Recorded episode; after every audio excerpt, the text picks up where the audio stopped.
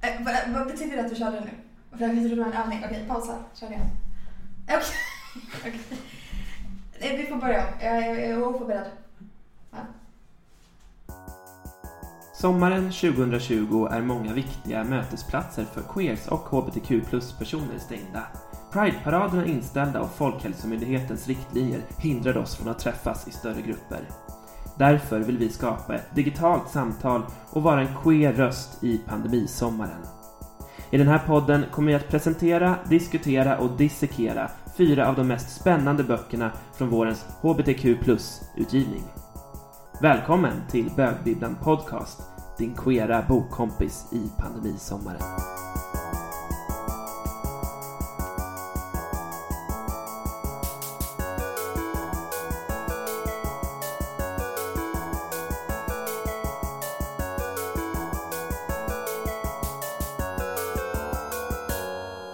Ja, och vilka är vi som är med i den här podcasten, Max? Berätta, vem är du? Ja, jag heter Max Bjuggfeldt. Jag är lärarinna och eh, bögboksnörd. Eh, Och eh, jag skriver ganska mycket om just bögböcker och annan queer-litteratur på mitt Instagramkonto, bögbibblan. Mm, just det. Mm. Vem är du, Milla Leskinen? Ja, ja, jag är en psykolog som på fritiden knarkar bokcirklar. Eh, hela tiden på jakt efter på något sätt den ultimata bokcirkeln. Men jag tänker att vi kommer att prata vidare om det om en liten stund. Men jag tänker att vi måste börja med att presentera hur vi känner varandra. Berätta Max. Ja, och då måste vi bege oss tillbaka ganska många år i tiden till Uppsala där vi båda pluggade samtidigt. Och jag var ihop med din kompis Mm, när vi träffades första gången, Just tror jag. exakt, du var ihop med min kompis Martin och du plockade upp mig där en höst när jag precis hade bott i Berlin eh, ett par månader och blivit helt liksom så här, förälskad i elektronisk musik. Som man ju blir i Berlin Exakt. just. Ja. Eh, ganska kliché, men så var det i alla fall. Och kom hem till Uppsala och bara Åh, den här stan är så trång, det finns inga feta klubbar. Och det, och det var i det läget som du bara plockade upp mig och bara Milla, vi borde göra något. ja, och jag drömde ju om att göra en musikfestival då. Jag hade ju storslagna drömmar. Jag tror att vi liksom tillsammans hade ganska storslagna drömmar, vi som var i det gänget där just då. Mm. Verkligen, vi, det var ingen som var en broms. Det var ingen som bara, är det här en smart idé rent så här ekonomiskt eller typ marknadsandelsmässigt? Utan vi bara körde. Och det blev ju asfett. Det blev verkligen asfett. Man kanske önskat, skulle kunna önska att man hade haft den där lilla bromsen, i och för sig, i efterhand. Men när vi var där just då och eh, med publiken och det var helt fantastiskt att se vad vi hade skapat tillsammans. Alltså Olof Dreyer, alltså 50% av The Knife var där. Alltså det är liksom ungefär det största jag kommer ha skapat i livet. Så här, gjort ett event som han var på. Så det var så att, men det var ju också skitjobbigt för vi gick ju eh, med enorm ekonomisk förlust. Asa mycket backig alltså vi verkligen. var Grekland i ekonomisk kris. Alltså, Men utan EU-stöd. Ja, verkligen. verkligen. Inga lån där inte. Verkligen. Alltså, vår kulturförening, kulturförening 1, 2, 3 Techno, hade liksom konkat om vi hade varit ett företag. Eh, Så, så förutom att ha storslagna planer har vi ju också behövt harva fett mycket. Mycket så här bära massa sladdar mitt i natten, hålla på och typ räkna biljetter. Och typ åka och hämta så här kravallstaket i Ja. olika släp som vi har hyrt. Och spela gratis jättemånga gånger för att liksom få ihop pengar till vår liksom, statskassa. Ja, man blir ganska många, eh, många DJ-gig där ändå. Ja, verkligen. Men, eh, men det bästa med dig Max, det, och mig tycker jag, det är att vi liksom inte lär oss av våra misstag. Utan att vi kör igen och startar nya projekt. Vi har ju också haft en skrivarcirkel. Just ja. Ja, Det har ändå varit roligt, även om det har varit en väldigt lågfrekvent eh, skrivarcirkel. det är sant. Eh, men, eh, och, och det här projektet är ju jag med på. För att du eh, ville snacka om böcker utifrån din plattform på Instagram. Precis. Jag eh, älskar ju att läsa och jag tycker framförallt att det är om att läsa om hbtq-personer. Eh, eller böcker eller erfarenheter som knyter an till hbtq-personer eller hbtq-personers historia. Eh, och har tänkt den här sommaren att jag vill lära mig att podda. Och då Milla råkar ju du vara där precis när jag tänker det här. Så bra. Mm. Eh, för jag älskar ju att läsa böcker och att prata om böcker. Precis. Mm. Och hur är det, har du någon podderfarenhet sedan tidigare?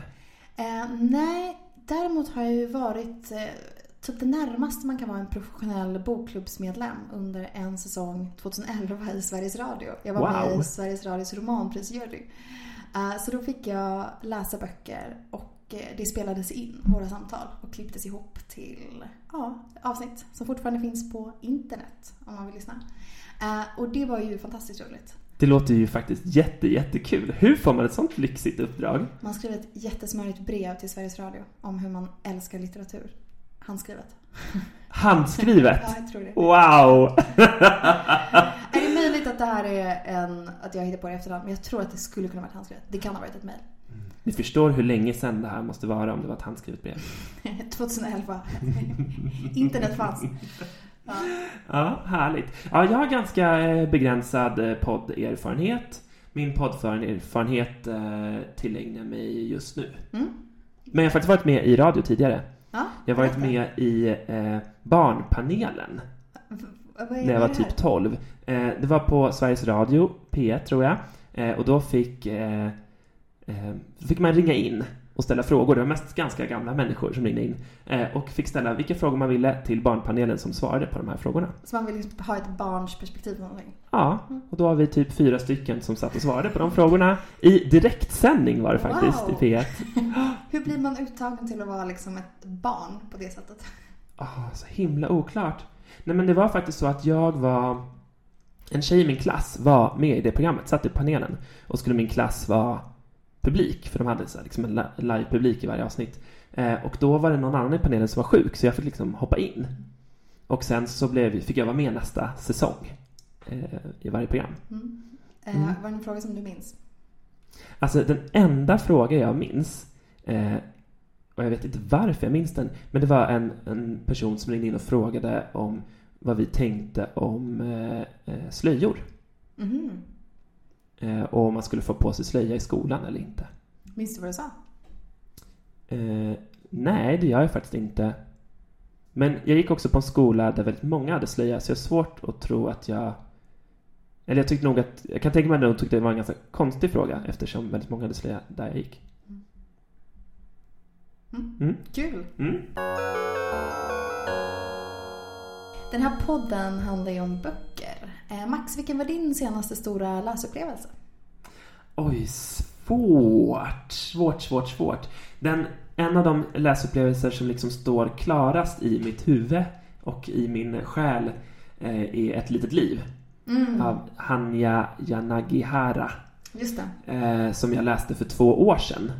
Eh, men det var... Jag läste den så himla intensivt också. Det är en ganska tjock bok, typ 600 sidor. Eh, ganska tung bok. Eh, och jag läste den på typ så fyra dagar. Så det är verkligen en sån där riktigt intensiv läsning. Och många av såna, såna läsningar tycker jag verkligen fastnar när man läser riktigt, riktigt intensivt på kort tid. Eh, men sen också själva boken i sig tycker jag var helt eh, fantastisk. Mm. Så. Mm. Jag, jag har ju fått den i present av två olika personer. Så det det känns verkligen som att universum vill att jag ska läsa den här boken. Wow! Har du läst den än då? Nej, jag har inte gjort det. Jag har faktiskt lånat ut båda. Uh, Mm. Jag vet inte om det är ett tecken på Mm. något sätt. Men, nej, men jag, jag vill verkligen läsa den. Men det kändes just som att jag vill ha tid. Mm. Uh, jag tror inte att det är någonting man mysläser liksom fem sidor i taget. Alltså, Nej, lägger så- det, det är också jobbigt med såna här böcker som är så sjukt långa att liksom dra ut på läsningen Mm. för lång tid tycker jag. Mm. Så. Eh, sen så tror jag också, alltså den boken har ju fått en del kritik också eh, för att den innehåller eh, en del så här, självskadebeteende, mycket psykisk ohälsa men också för att den kanske inte är så realistisk. Mm.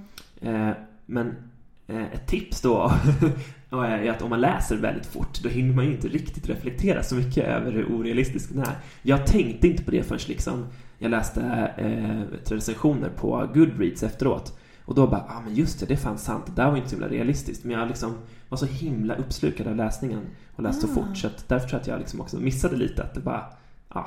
Genialiskt drag. Det är Mm. som man äter eh, mat. man hinner inte känna efter hur den smakar. Äter snabbt. Ja. Eh, Men min eh, senaste stora läsupplevelse, jag behövde fundera lite på den här. eh, Men det var tänkte jag, tog jag fasta på det senaste. Och då är det Mm. liksom en bok som jag inte läste för allt för länge sedan. Mm. Så då är det eh, Jonathan Fransens Purity. Mhm. Även om du känner till. Han som har Alltså- skrivit Tillrättalägganden och de här. Jag känner bara till honom till namnet. Jag vet typ Mm. ingenting om honom eller hans böcker. Nej, jag vet bara att han är liksom en hypad romanförfattare. Mm. Och eh, jag kommer inte ens ihåg hur det kom sig att jag började läsa den här.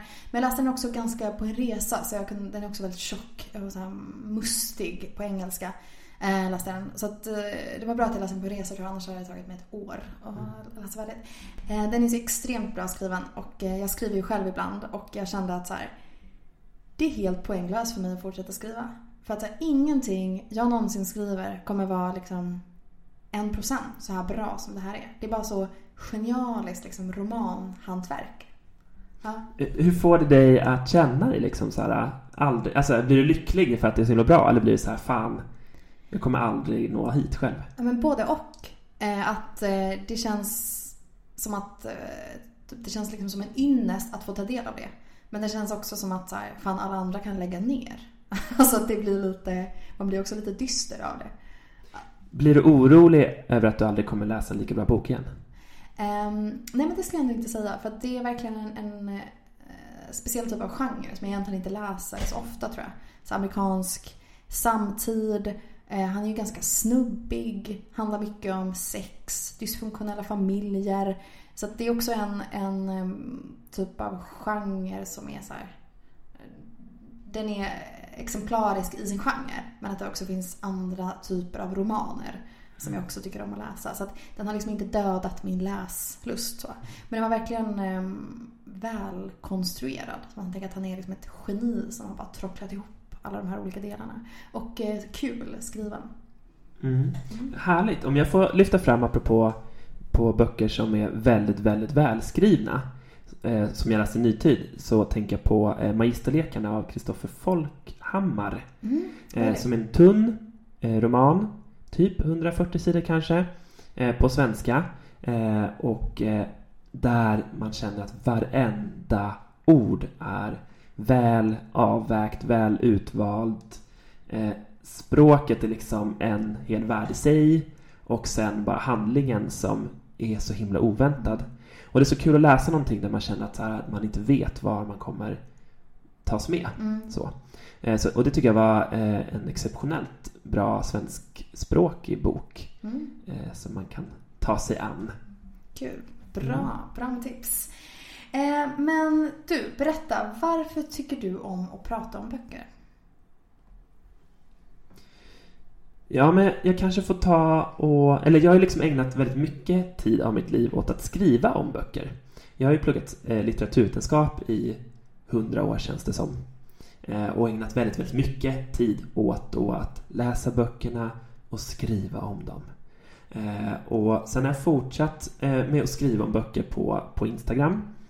Eh, för jag tycker att det finns eh, sån stor värld av eh, HBTQ plus litteratur som liksom inte riktigt når ut till sina läsare så.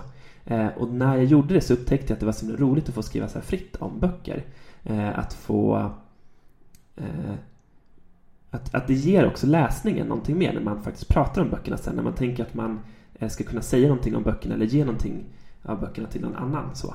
Just det, så du läser på ett annat sätt. Ja men verkligen, det påverkar verkligen läsningen. Eh, och på så vis att jag tycker att jag läser mycket mer uppmärksamt. Eh, men också att jag kanske... Eh, och det gör liksom att jag ser andra samband i boken eller att jag lägger märke till detaljer jag inte har lagt märke till annars i hur den är skriven och kanske jämför med andra verk på liksom mer medvetet sätt. Så. Mm. Ja men vad kul. Eh, för jag tycker också jättemycket om att, att läsa eh, och om att prata om böcker. Och jag var, jag var inne på det i början att min jakt efter den ultimata bokklubben kommer ur den här längtan och på något sätt efter att eh, liksom dela en i grunden väldigt privat upplevelse. För det kan ju vara ganska ensamt att läsa. Eh, och att ibland om jag läser något helt fantastiskt kan jag vara så här, ah, jag vill bara USB-överföra den här romanen in i ja, den personen jag är med huvud så att man ska kunna diskutera den. Mm. Jag tycker också att det liksom ger en, som en annan, eh, så andra perspektiv på det, så fler dimensioner. Och jag håller med om att, att jag också nog läser mer uppmärksamt. Eh, och eh, ja, med ställa mig andra typer av frågor tror jag, när jag vet att jag ska liksom, diskutera det sen.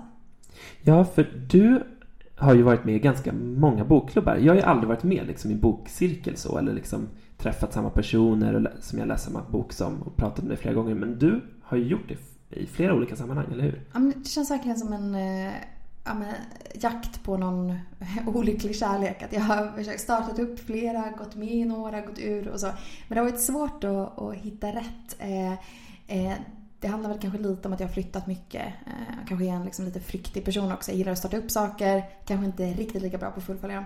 Men en av mina favoritbokcirklar eh, var med en också lärarstudent faktiskt i Uppsala. Eh, vi hade en kort bokcirkel. Jag kanske läste tre böcker, max fyra skulle jag säga. Eh, på det väldigt smala temat Nobelpristagare som har skrivit om kortväxta eller dvärgar. Eh, det fanns oväntat många.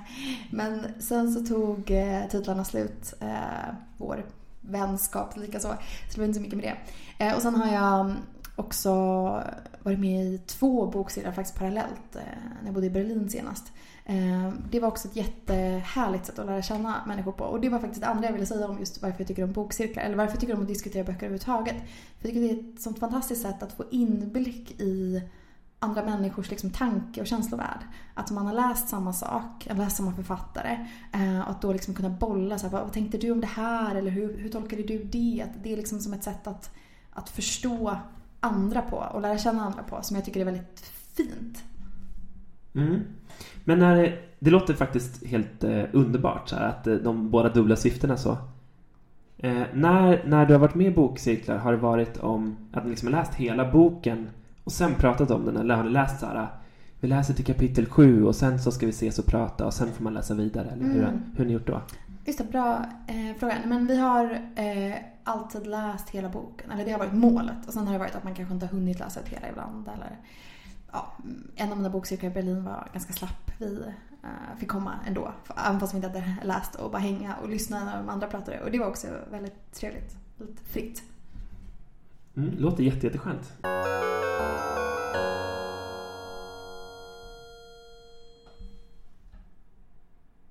Du ska. Stå och skratta klart. Om folk ändå kunde se oss när vi försöker kommunicera med teckenspråk fast ingen ja, förstår. Eller jag inte förstår. Ja, eh, Milla. Eh, varför tycker du att det är viktigt att läsa queer-litteratur? jag tänker att det är en um, längtan jag alltid har haft. Att förstå mig själv genom att spegla mig i andra. Eller genom att spegla mig själv i litteratur.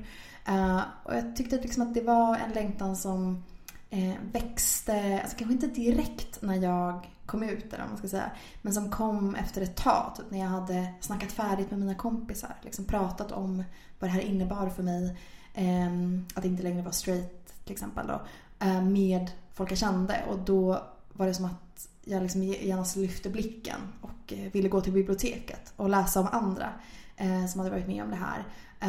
Och gärna sånt som jag också kunde relatera till eller kunde känna igen mig i. Så det, det är väl det ena. Och sen så känner jag också att eh, jag har ett ansvar och typ en lust att känna mitt community. Att jag vill veta hur det är att vara en queer person i, på andra sidan jorden. Eller i en annan historisk epok. Eller eh, som lever under helt andra förutsättningar. Att eh, vi, vi är samma flock på något sätt. Och att jag vill känna min flock. Mm. Spännande.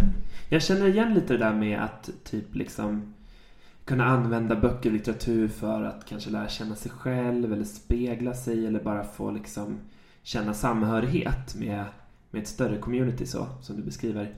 Eh, och eh, jag har alltid, jag tänker på för egen del så har jag alltid haft en väldigt dålig koll på typ eh, film och tv och sådana saker. Har liksom uppvuxen med så ettan, tvåan och fyran. Eh, typ klurade sent i livet ut på det här med så här streaming och sådana saker. Och då har ju liksom böcker varit typ lite mer tillgängligt egentligen i mitt liv. Eh, och jag verkligen så här längtade efter berättelser eh, som innehöll eh, som innehåller bögar. Eh, och eh, främst för min del så.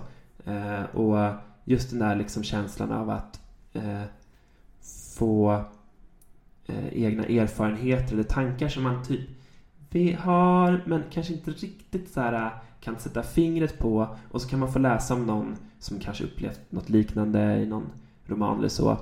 Och att, att det, det är något så här helande, läkande med eh, att göra det. Mm. Så. Eh, och jag tänker att, eh, att så är det säkert för mycket så här queerkultur för många queerpersoner. Att det, det finns en så här en, för de som upplever kanske så att man känner sig så ensam eller osynliggjord så finns det något läkande i att få liksom bara få på bekräftelse på sin existens. Mm. Så. så det tycker jag har varit en viktig grej för mig personligen. Mm. Och som så återkommer i, fortfarande. Inte lika ofta kanske, men ändå fortfarande. Mm. mm. Just det. Ja, men verkligen. Och jag tänker också att det finns um, olika kanske litterära verk eller typ, ja, men filmer och så som har betytt mycket för många i så här, kom ut-processen. Alltså, det är ju inte litteratur men typ som L-word till mm. exempel. Eh, som är en sån inom lesbiska kretsar som är så här, som man förhåller sig till. Mm. Alltså att det är en så här, kulturell eh, på något sätt delad erfarenhet som många har. Eh, och som, som jag därför då när jag plötsligt ingår i det här communityt liksom vill förstå. Uh, jag vill fatta, vad var det för böcker som liksom fick folk att uh, bli lesbiska på 90-talet? Eller vad var mm. det för böcker som liksom um, var en skräll här, före och efter upplevelser på 50-talet? Och mm. Ja men absolut. Eh, för eh, såklart så, i olika så, hbtq plus-communityn så har ju olika eh, Eh, litterära verk men andra så, kulturella verk också såklart spelat jättestor roll och är så viktiga referenspunkter. Men sen tänker jag också så här samhällsmässigt så här, vad eh, litteraturen kan göra. Eh, ibland så tänker jag att vi har så himla eh, stor tilltro också till typ eh, så här, tv, video, video, vad säger jag, tv och film menar jag, så här, serieformaten så. Eh, men så tänker jag på typ Torka aldrig tårar. Just det. När de böckerna kom och hur verkligen så här en hel generation fick lära känna aidskrisen. Eh, och också aidskrisen som något, alltså de i min generation, född 90, där är liksom aidskrisen nästan någonting som bara finns på andra kontinenter. Eh, men att vi nu liksom, att den historien fick ta jättemycket plats plötsligt. Eh, och jag tänker att så här, det kommer hända igen och igen och igen och igen. Och där tänker jag också att det är någonting med böcker som kommer vara evigt i det liksom. Mm. Hoppas jag också. Och det knyter liksom lite an till, eh, till bögbibblan som Instagramkonto också. Att eh, det finns så himla många, finns så himla många eh, böcker som eh, handlar om hbtq-personers liv och erfarenheter och historia, både som individer och som rörelse. så. Eh, och att Eh, jag tycker att de böckerna kanske inte alltid så här, når ut, att de förtjänar att belysas. Att, eh, eh att eh, som, eller jag kan känna själv att så här, jag har behövt tidigare i mitt liv liksom hitta de böckerna någonstans. Eh, för det känns ju som ett så här, som man blivit lurad att så här, i alla år har man gått där och längtat efter berättelser och så har de funnits där hela tiden bara att man inte liksom visste att de fanns där. Så, så det är lite det jag har tänkt med bögbibblan som ett Instagramkonto. Eh, att det ska finnas liksom en plats där man kan hitta de här eh, berättelserna. Så. Eh, och inte liksom bara att så här, åh, här är en recension, liksom, utan att de knyter an till någonting mer. Att man kan liksom berätta om sin typ personliga relation till de här berättelserna också, eller hur man påverkas av dem. Så också. Eh, det är en del av det som jag tycker kan vara intressant med bokprat, som du också var inne på med, med bokcirklar. Så. Eh, och det tänker jag knyter an lite till det här med att, ha en podd också. Där man verkligen kan eh, fördjupa sig om en bok. Så här, låta boken bre ut sig, samtalet om boken bre ut sig på ett annat sätt än vad man kan göra på Instagram. Så. Ja, och eh, jag tänker att så här, varför vi gör en podd just nu, det knyter an till det här som du sa i början Max, om att så, Sverige är nedstängt och det känns verkligen som en sorg tycker jag. Alltså, sommaren är ju en ja, men en tid på året där man liksom träffar andra. Alltså jag älskar att gå på olika Pride-parader. Um, man ses på kanske festivaler, man går ut mer, man ses på barer, på klubbar och nu är ju i princip allt det där stängt. Och det blir, eller jag tänker att det kan bli liksom jäkligt ensamt. Det beroende på vad man har för sammanhang runt omkring sig och vad man gör och vad man är. Och därför vill vi liksom att det ska finnas, eller att det här samtalet ska fortgå. Eh, och att vi, vi ska fortsätta visa att vi finns och att vi fortsätter det här samtalet, vi fortsätter prata om de här sakerna. Um, och uh, vi är bara två röster, uh, du och jag. Men vi tar jättegärna in era röster också. Så om ni vill, om ni tänker någonting, om ni undrar någonting, om ni också läst de här böckerna eller om ni är nyfikna på de här böckerna så skriv uh, jättegärna till oss på, på Instagram, på bögbibblan. Precis, det kan ju vara typ att man eh, vill säga någonting till alla som syns i en kommentar, så några böckerna. Eller om man bara typ känner sig ensam så kan man ju skriva så här DM och bara Hallå, jag vill ha en queer röst. Så, här, så kan man ju säga hej. Mm. Så, vad är det vi ska läsa? Jo, vi har ju valt ut fyra böcker. Eh, fyra böcker som har kommit ut det här året. Eh, som alla eh, knyter an till HBTQ plus personers liv. Eh, och den första boken vi har valt, den heter Frankenstein av Jeanette Winterson. Jag har fått så här googla uttalet på Jeanettes förnamn här, så jag ska säga det rätt. Och det här är en omskrivning kan man säga av en av mina favoritberättelser, eller favorithistorier. Frankenstein av Mary Shelley, som jag tycker är en genial berättelse, verkligen. Och eh, vem, vad kan passa bättre att skriva om till en queer-berättelse än en berättelse om ett monster? Eh, och eh, den här berättelsen rör sig i tid och rum. Eh, det är när Mary Shelley skrev den, men också i dagens Brexit-England som den utspelar sig. Eh, och huvudpersonen är en transperson. Eh, och jag tänker jag ska läsa baksidetexten, den är ganska kort. Så får ni bara lite känsla av vad den handlar om. Eh, det går så här. Jag är den jag är. Men den jag är är inte en varelse, inte ett kön. Jag lever med dubbelhet. Och den här boken, Frankenstein, en kärlekshistoria, är utgiven på svenska på Wahlström och Widstrand. Men den är skriven på engelska såklart från början. Mm. Mm. Kul! Peppad på att läsa den? Jag är aspeppad. Jätte, jättesnyggt omslag också. Lite svårt att se vad det är, men det ser ut som så här händer, händer som tar på varandra. Mm. Barnhänder. Barnhänder nästan. Ja, den andra boken som vi har valt som jag är riktigt peppad på att läsa det är Johan Hiltons bok Vi är Orlando som handlar om den här dödsskjutningen på eh, queerklubben Pulse i Orlando i Florida 2016. Och eh, jag tror att den här händelsen eh, jag tror jag berört extremt många över världen men den berörde mig eh, extremt mycket då. Eh, för jag hade själv varit på en bögklubb eh, samma natt som det hände på Berghain i Berlin. Och det kändes liksom som ett angrepp mot eh, mig. Eller liksom hot om min och mina vänners säkerhet på ett sätt som jag inte hade upplevt tidigare med andra liksom, terrordåd och dödsskjutningar och sådär. Eh, så eh, jag liksom, ja, känner mig känslomässigt väldigt berörd av själva händelsen i sig. Och sen är jag väldigt nyfiken också på hans metod. Som är eh, ganska lik eh, Alexievits, nobelpristagaren, som liksom samlar en så här kör av röster. Så att genom kollektivet kan man liksom förstå såna historiska händelser. Så jag är väldigt nyfiken på, på att se hur, hur han löser det. Mm. Mm. Oral history tror jag att det kallas. Mm, all right. Mm. Visste jag inte. Ja, nej men så, så det är bok nummer två. Och den är jag också verkligen eh, längtar jag efter att läsa och bävar lite efter att läsa. Eh, jag har ju läst hans förra bok, eller första bok, No Tears for Queers och det var inte lätt läsning så. Mm. Och det här kan jag tänka mig kommer bli ännu tyngre just för att eh, man minns de här händelserna så tydligt, eller rapporteringen kring dem. Mm. Mm. Bra, och den tredje boken som vi ska läsa är eh, En stund är vi vackra på jorden av Ocean Wong.